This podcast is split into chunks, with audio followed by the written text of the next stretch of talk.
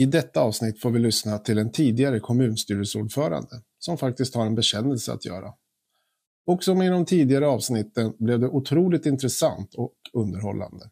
Han har haft en lång karriär i Vingers, Vingåkerspolitiken och varit med och utformat Vingåker av idag. Den jag pratar om är förstås Viking Jonsson. Välkommen att lyssna på vårt samtal.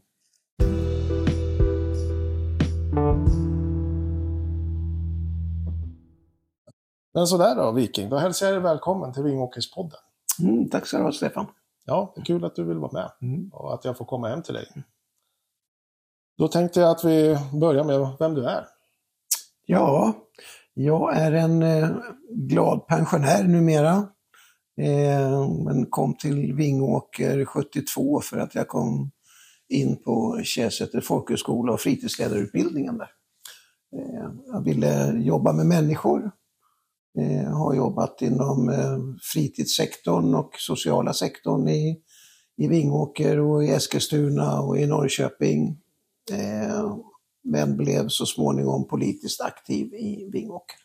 Ja, men Norrköping, är det därifrån du kommer? Eller? Nej, jag är född i Stockholm och flyttade tillsammans med mina föräldrar till Norrköping för att pappa bytte jobb.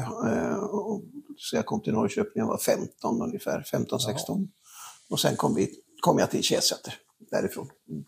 Ja, så förutom eh, ja, ditt politiska värv, vad har du för intressen? Vad gör, vad gör man som politiker på fritiden? Ja, då läser man handlingar och eh, följer samhällsdebatten och så. Men eh, jag har varit eh, aktiv så att säga inom lite olika idrotter. Jag har spelat badminton och försökt hålla igång på det sättet. Eh, startat alla vårar med att köra lite löpning som man håller på med i tre veckor och sen så orkar man inte det utan då är det allt annat som kommer emellan och så slutar man. Och sen, ja, ja, det där känner så jag där håller man på. Mm. Ja. Men väldigt, jag är alltså väldigt idrottsintresserad så att jag har ju försökt att själv utöva något men har ju också sen tittat på väldigt mycket. Mm. Ja. ja, det också. Mm. Och hålla igång. Mm. Så att det blev Vingåker, det var för att du kom in på Kiasäter? Ja, det var ja. skälet. Och eh, på fritidsledarutbildningen där så skulle vi ha kortpraktik. Och, och kortpraktiken så startade våran kurs Vingåkers fritidsgård. Eh, i, med ett avtal med Vingåkers kommun. Eh, så att vi drev alltså kommunens kommunala fritidsgård i form av våran kortpraktik. Eh, och eh, när vi slutade sen så eh, försvann ju många av de här eldsjälarna som vi ändå var då, fritidsledare och som nästa kurser som kom ville ha lite annorlunda kortpraktiker och så. Så att då gick kommunen ut och sökte föreståndare. Och då sökte jag det jobbet och fick jobbet som föreståndare på fritidsgården. Ja. Och då jobbade jag halvtid med det. Och den andra halvan eh, jobbade jag som eh, informationssekreterare åt en stiftelse som drev ett sjukhus i Peru, i Amazonas djungler. Jaha. Mm. Härifrån Vingåker då? Eller? Härifrån Vingåker, ja. Med, med, hjälp av SIDA-stöd och med insamlade medel och så drev vi det där sjukhuset i, i Peru för, för indianerna. Hur funkade det då? Alltså, det var ju före internet antar jag? Och... Ja, det, men det funkade bra. Alltså, vi hade ju eh, SIDA-medel och eh, svenska volontärer som var nere och jobbade på det sjukhuset och så. Alltså, vi hade ju regelbunden kontakt och jag var själv nere eh, på det sjukhuset under en, en tid för att göra ett studiematerial åt KFUM studieförbund om indianernas situation i Peru. Ja, och hur var den? Nu blev jag nyfiken. Den var bedrövlig såklart. Eh, man flyttade ju indianer allt eftersom man hittade fyndigheter som man ville utvinna såklart. Planterade olika typer av sjukdomar, eh, så att eh, det vi försökte jobba med det var ju att indianernas så kallade medicinmän lärde vi upp på sjukhuset så att de kunde ge mässlingssprutor och och klara av sådana sjukdomar som indianerna inte klarar av men som vi vita tog med oss Ja. eh, till de här byarna. Och sen hade vi dessutom sjukhuset då för, för allvarligare sjukdomar. Och så. ja, det där var ju, det lät ju superhäftigt. Mm. Ja, det där kanske blir en podd bara det. Det hör Okej. jag ju Mm. framöver. Där måste jag gräva lite mer i. Men eh, ja, som nu. Vilket parti, eller har du varit med i flera partier? Du har ju tillhört Socialdemokraterna. Ja, nej, jag har... eh, Alltså, när jag var ung, alltså upp till när jag började på Käsäter så har jag inte varit aktiv i något parti överhuvudtaget. Eh, Men under utbildningen på folkhögskolan så, så börjar man ju på inse att ska samhället utvecklas på något sätt så finns det ju bara ett sätt och det är ju att göra sin samhällstjänst, det vill säga gå med i ett parti för att försöka påverka utvecklingen. Och då blev det Socialdemokraterna som jag gick med. Ja. Av Mm. någon speciell anledning. man inser ju att om, om någonting ska bli gjort så, så, så ska man ju kanske inte välja det minsta partiet. Utan försöka komma med där, där det parti som har en majoritet för att kunna genomföra den politik man vill. Ja, det känner jag till. Så att, eh, Ja. Sen var det inte så svårt. Det, fanns egentligen bara två partier för mig att, att välja och det, antingen var det Vänsterpartiet eller också var det Socialdemokraterna. Så Ja. Övriga så kallade högerpartier var inte så intressanta om jag säger så. Nej, det kan jag förstå. Då förstår jag varför. Men hur länge har du varit aktiv då? När började du? Alltså, du gick med i ett parti, men blev du aktiv på en gång? Eller? Ja, 1975 så steg vi in på Socialdemokraternas eh, föreningshus eh, och skrev in oss som medlemmar. Och sen eh, senare det året eller året därpå så vart jag ersättare i fritidsnämnden som det hette på den Ja. tiden. Mm. Då gick det fort då? Ja, men Ja. Det, det, på den tiden så, man kan väl säga så här, idag är det kanske lite lättare att göra en snabb karriär inom politiken. Men jag menar, när man gick med hos Socialdemokraterna på den tiden, då fick man sitta på reservbänken ett tag. Och man fick vara glad om man fick en ersättarplats i någon nämnd. Det krävdes att man gick igenom partiskolan och eh, eh, gjorde arbetsuppgifter och fick plugga på lite grann. Eh, och det var ganska intressant, det hette A-skolan på den tiden och med massa frågor om samhällets utveckling och Socialdemokraterna. Och så hade man skrivningar som sen skickades till våra riksdagsledamöter i Stockholm som rättade dem där och sen skickade tillbaka dem. Jaha. Så att, eh, ja, det var, inte, det var inte lika lätt att bli med, lika lätt att bli medlem var det, men inte lika lätt att bli aktiv som idag. Utan det, det krävdes en, en insats och, och bevisa att man så att säga verkligen ville vara aktiv. Ja. Och, då antar jag att det var lite kö till platserna också då? Eller? ja, det, det var det ju. Det, eh, nomineringsmötena var ju inte de roligaste mötena. Eh, det var ju strid på vem som skulle ha vad och vem som skulle vilja ha. Och, och ibland fick man nöja sig med det man fick och ibland fick man det man ville ha. Så det är lite olika. Ja. ja. Intressant. Ja, det är ju inte riktigt så nu för tiden. Nej, det är det inte. Nej.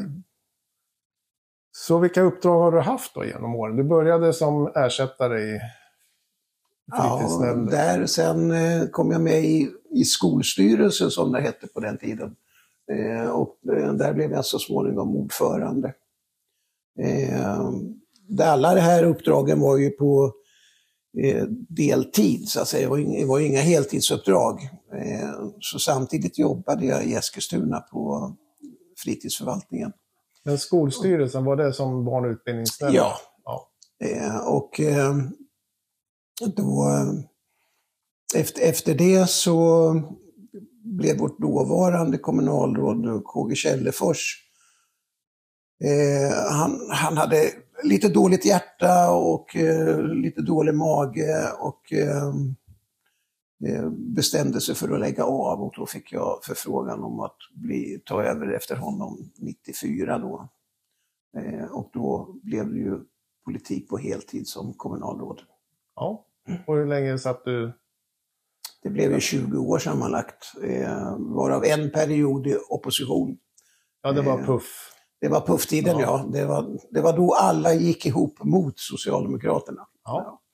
Eh, så det var ju en härlig konstellation av eh, lokalt parti och vänsterparti och moderater. Och, eh, det enda gemensamma var väl att de gillade väl inte sossar ordentligt, så de ville verkligen ta makten. Ja. Och det gjorde de då. Eh, men vi fick ju vår revansch valet efter då. För eh, det valet hade vi en väldig framgång för då fick vi egen majoritet. Vi hade alltså över 50 procent. Eh, så det var jag ganska stolt över. Det, tillsammans med mina partikamrater då. Vi var den enda kommunen i landet som gick från opposition till egen majoritet. Ja, det är ju fantastiskt. Ja. Men hur, då blir jag nyfiken direkt. Om du satt så länge som kommunalråd, mm. hur var det att vara i opposition? Väldigt tråkigt. Tråkigt? Ja, ja. det alltså... Ja. Men du måste för, ett bra jobb? Fördelen med, med, med det då, det var ju... Dels så fick man ju väldigt mycket tid att ägna sig åt kommunalpolitiken. Eh, det vill säga Eh, i partiet bygga upp eh, både utbildning och information om vad, som vad behöver vi göra nästa mandatperiod för att förbättra. Eh, det kunde man ägna ganska mycket tid åt och sen kunde jag också ägna väldigt mycket tid åt, åt partiet. Eh, så det var ju en fördel. Eh, men, men annars är det ju tråkigt att sitta i opposition. Man, man lägger förslag som blir nedröstade. Ibland går de igenom och så. Men det, det, det, det blir långtråkigt. Man vill ju uträtta något, få någonting gjort, få, få beslut på de förslag man har, få dem genomförda. Och det är klart att det, det får man inte i opposition. Nej. Nej. Men ni gjorde en bra oppositionsperiod eftersom ni fick egen majoritet. Ja, det gjorde vi. Det, och den, den började ju på ett fantastiskt sätt också. Och första budgetdebatten efter valet så hade vi 14 omröstningar på budgeten och jag tror vi vann 11 av dem. Och hade det varit normalt så hade man ju så att säga avgått eh, i det läget. Men eh, eh då, då, då, tyckte man att eh, det här är ju demokrati på hög nivå. Man får räkna med att vinna eller förlora vissa frågor, men, men det betyder inte att man behöver avgå. Nej. Nej. Så att, eh, hade jag varit i majoritet och fått stryk på så många frågor i budgeten, då hade vi nog avgått.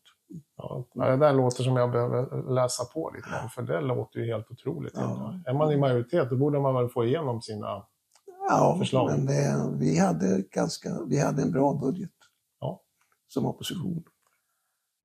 Ja, under alla år som du nu satt som kommunstyrelsens ordförande eller opposition, hade du någon speciell förebild? Eller har du haft någon förebild för ditt politiska värv? Ja, alltså Olof Palme har alltid varit en, en, en stor politiker för mig. Eh, eh, så att eh, det är väl den förebilden jag har haft i Sverige. Sen ska man inte eh, sticka under stol med att min, min föregångare eh, KG Källefors var också en, en, en väldigt stark man eh, och eh, uträttade otroligt mycket för, för Vingåker. Eh, så att han, han var också en förebild när jag väl tog över efter honom. Ja. Ja, själv är jag lite för ung för Olof Palme, jag vet ju. Ja. Men för mig är det lite mera Göran Persson. Mm. Jag gillar starka män. Ja. Och ditt bästa minne då, som politiker i Vingåker? Har du Alltså det, var ju, det, var ju, det var ju ingen rolig tid i, i, i Vingåker när vi, när vi tog över. Eh, då, då hade ju textilindustrin slagit igenom helt och hållet och kriserna kring det. Eh, och 94 när jag tillträdde, då, då gick ju de sista 50 sömmerskorna från Ljungströmfabriken. Eh, och så klappade man igen produktionen helt och hållet där. Ja, var det 94? Ja, och det, har, det hade ju ändå varit Ja, men det var, I Vingåker hade det funnits 1100 sömmerskor i tre fabriker och dessutom sömmerskor som hade eh, hemmajobb och satt och sydde hemma. Så att eh, under den här värsta tiden med alla nedläggningar som var då så förlorade ju Vingåker ungefär 700 arbetstillfällen. Alltså som aldrig har kommit tillbaka. Det, så det var tufft. Eh, samtidigt så var man ju då tvungen att försöka göra saker för att liksom bredda näringslivet. Eh, och vi hade ju en sektor som var väldigt stark och det, var, det är ju vårdsektorn då med Damsdal och stiftelsen Linden som kom. Vi hade Håkanstorp, vi hade eh, Vårnäs eh, och sen hade vi ändå en textilfabrik kvar som gick som tåget ändå och det ute i Högsjö. Då. Eh, även om de, eh, de eh, effektiviserade sig ju förstås även där. Eh, nya maskiner, nya investeringar och det var ju jättebra men samtidigt så var det ju färre arbetstillfällen där ute. Så att det, jag förstod ju att ska vi komma någonstans så, så behöver vi få kommunen att fungera även som en pendlarort. Och Vingåker hade ju sin arbetsmarknad antingen i Vingåker eller i Katrineholm, så väldigt många var ju vana att pendla. Eh, och tåget hade ju lagts ner. Eh, den drog de ju in, SJ, eh, många år tillbaka. Eh, och, så det var en sån här arbetsidé eh, som vi hade och som startade redan på Källefors tid. Vi ska få tågen att stanna i Vingåker igen. Ja. Eh, och det lyckades vi ju med eh, till slut. Så det är väl ett av de, de största och bästa jobben som ja, jag i alla fall har varit med och genomfört. Eh, och det betydde att eh, människor som hade pendlat till Scania som då flyttade till Södertälje ifrån Katrineholm, Eh, där var det ganska naturligt för Vingåkersborna att fortsätta att pendla till Södertälje. De var ju liksom vana att pendla till Katrineholm. Nu fick de tågstoppet, kunde pendla till Södertälje. Medan Katrineholmsborna som var vana att cykla till Scania, de följde ju inte med till, till, till Södertälje. Så det var en, en fördel. Den, den, andra delen då, vad, vad gör man så att säga åt en textilindustri med tre fabriker och, och så. Va? Så då hade jag väldigt mycket kontakter med Mikael Eriksson och med Bosse Ljungström. Eh, hur, ja, hur ska vi använda det här och, eh, och hur ska fabriken användas? Och då hade ju Ljungström och, och de, de killarna på, på det stället kommit på att en factory outlet, en outlet på något sätt, i en ursprunglig fabrik och det jobbade vi tillsammans vidare med då, genom att eh, till, tillhandahålla mark och man, som man kunde bygga ut och hela den där biten. Så att Factory Outlet och tågstoppet, det, det är två faktorer som gör att Vingåker faktiskt kan leva så bra som de gör idag. Factory Outlet lockar väldigt mycket människor och det upprätthåller en grundservice i samhället som vi inte själva skulle kunna hålla igång med, med bara vi som bor här. Eh, och tågstoppet gör att det är lätt att komma hit eh, till, för att handla eller för att ja, besöka Vingåker. Eh, den tredje grejen som gjordes och som inte var direkt laglig, man kan ju prata om saker som är lagliga och inte lagliga. Det, som politiker kan man ju besluta vad som helst. Och blir det inte överklagat så är det lagligt. Ja. Eh, vi har ju våran krutfabrik, eh, Nammo. Eh, och där skulle man ju då lägga ner den verksamheten helt och hållet. Eh, det var ju på den tiden när man så att säga avvecklade. Idag är det ju precis tvärtom. Ja. Idag ska det ut, utvecklas igen och vi ska gå med i NATO och alltihopa det här. Men, men där skulle man avveckla hela den verksamheten.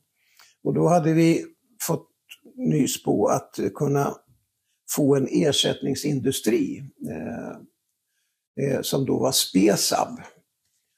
Eh, och de skulle då flytta upp och flytta in eh, där uppe. Men det fungerade inte med den, den verksamheten som skulle vara kvar på namn av säkerhetsskäl.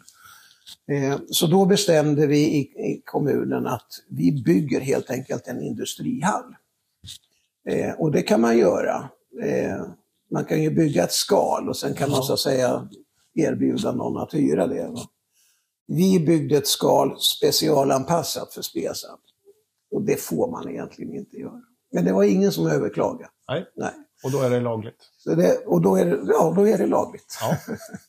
eh, och eh, det roliga med det var ju då att eh, Göran Persson var här och invigde den hallen också Jaha. samtidigt. Så att eh, på det viset var det ju ännu mer lagligt. Ja. ja, men det är bra. Ja, spännande. Ja, men det där var kul att höra. Mm. Då tänker jag så här. Du har ju varit en ganska stark man i alla fall under 20 år. Vad tror du att eh, väljarna eller Vingåkersborna tycker eller tyckte om dig? Ja, det gjorde de. Ja, de tyckte om dig, men Ja, de tyckte väldigt mycket skulle jag tro. ja. Var det något som du kände av så? Ja, alltså... I, ibland så är det ju så att man, man, eh, folk som inte känner en så får man ju rykten om att eh, vara studdig eller att man beter sig på ett visst sätt. Eller, och, och ibland så får folk bara en, en glimt av en och så drar man slutsatser utifrån det. Då, va? Så det är klart att, att det, det fanns ju folk som tyckte verkligen illa om mig. Det, det vet jag ju. Och det, sen finns det ju väldigt många som tyckte att jag har gjort ett bra jobb och så. Va? Men det, det måste ju nästan bli på det sättet. Man, man, eh, man företräder ju en socialdemokratisk politik och det är inte alla som gillar den politiken. Eh, och, och då blir man ju så att säga symbol för någonting som man inte tycker om. Ja. Eh, och det, då vore det konstigt om man som ledande politiker in, både får vänner och fiender. Eh, och får man inte det, då tycker jag, då har man nog inte gjort tillräckligt mycket jobb. Nej. Men du, har du någon gång var, ja, känt obehag eller varit rädd att gå på, på samhället? Nej, det, det ska jag inte säga. Däremot så, så har ju jag, precis som väldigt många andra politiker, varit utsatt för hot. Eh, så att, eh, och det har ju blivit ännu vanligare idag. Ja. på, på, på min tid så var det ju oftast kommunalrådet. Det var, det, var, det var ju den som syntes och hördes. Det var den Ja. tidningarna skrev om.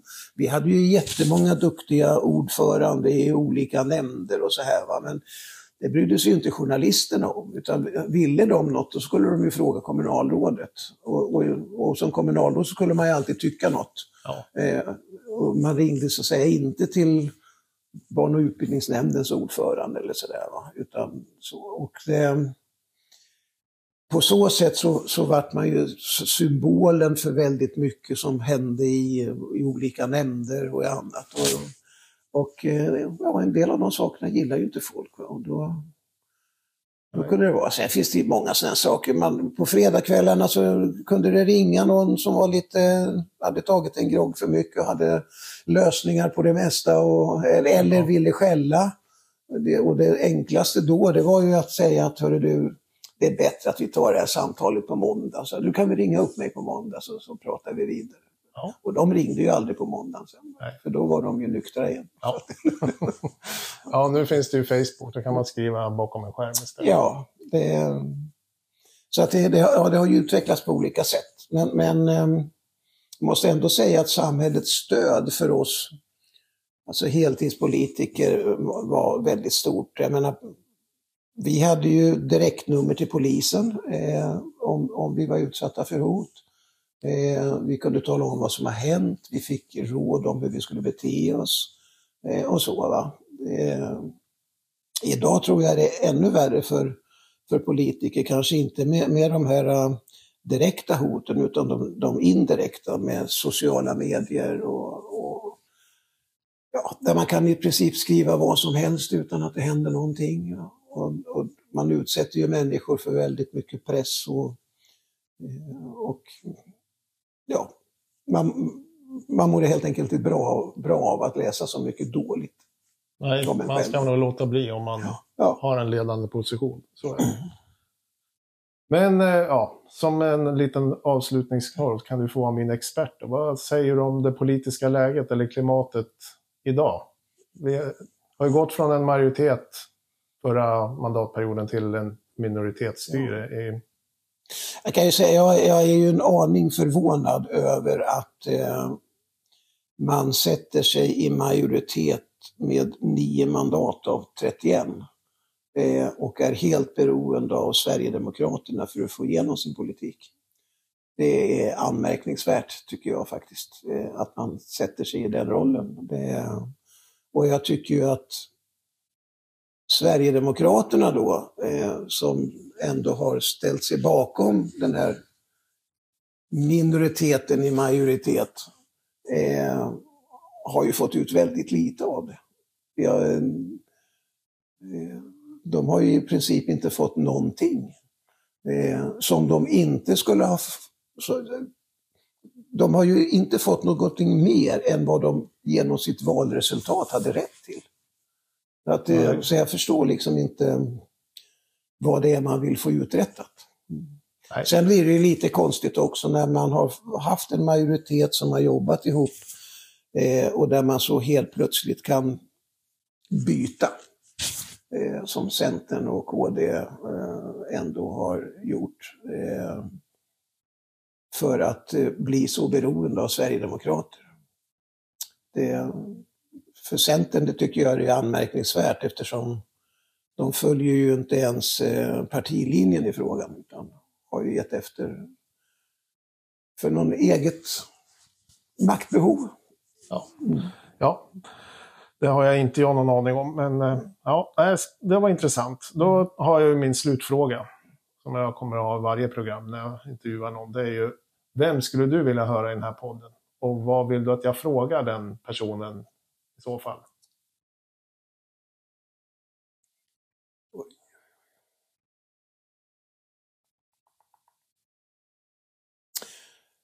Eh, och det ska vara en politiker? Eller? Nej, det kan Nej. vara vem, som helst. Bara det gångbart för mig. Det då tycker jag någon... att du skulle försöka intervjua eh, chefsredaktören på Katrineholms-Kuriren om eh, hur de ser på bevakningen av den kommunala politiken i Vingåker.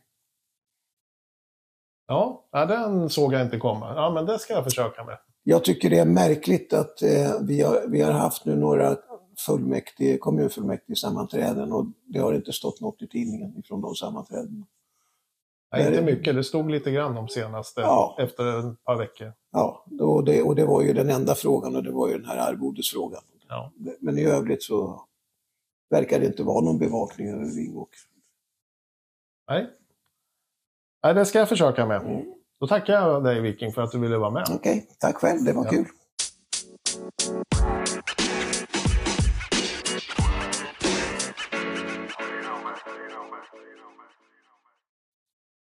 Detta var Viking Jonsson, som jag framöver kommer ha fler samtal med om diverse ämnen. Ett är förstås Vingåkershem och Kommunfastigheters AB och vd-frågan, som var het under förra mandatperioden. Annars är det lugn och den stora källan av kunskap som fascinerar mig när jag pratar med Viking. Och som vanligt skulle jag ha velat spela in allt vi pratade om, men då skulle programmen bli flera timmar. Tack Viking för att du tog dig tiden. Nu säger jag på återhörande och tack för att just du lyssnade på Vingåkerspodden. Och finns det någon annan du vill höra i Vingåkerspodden? Hör av dig så försöker jag få med den personen. Tack så mycket för att du lyssnade och jag hoppas att vi hörs snart igen. Och glöm inte att tipsa dina nära och kära om podden så fler får lyssna om vårt fantastiska Vingåker. Tack!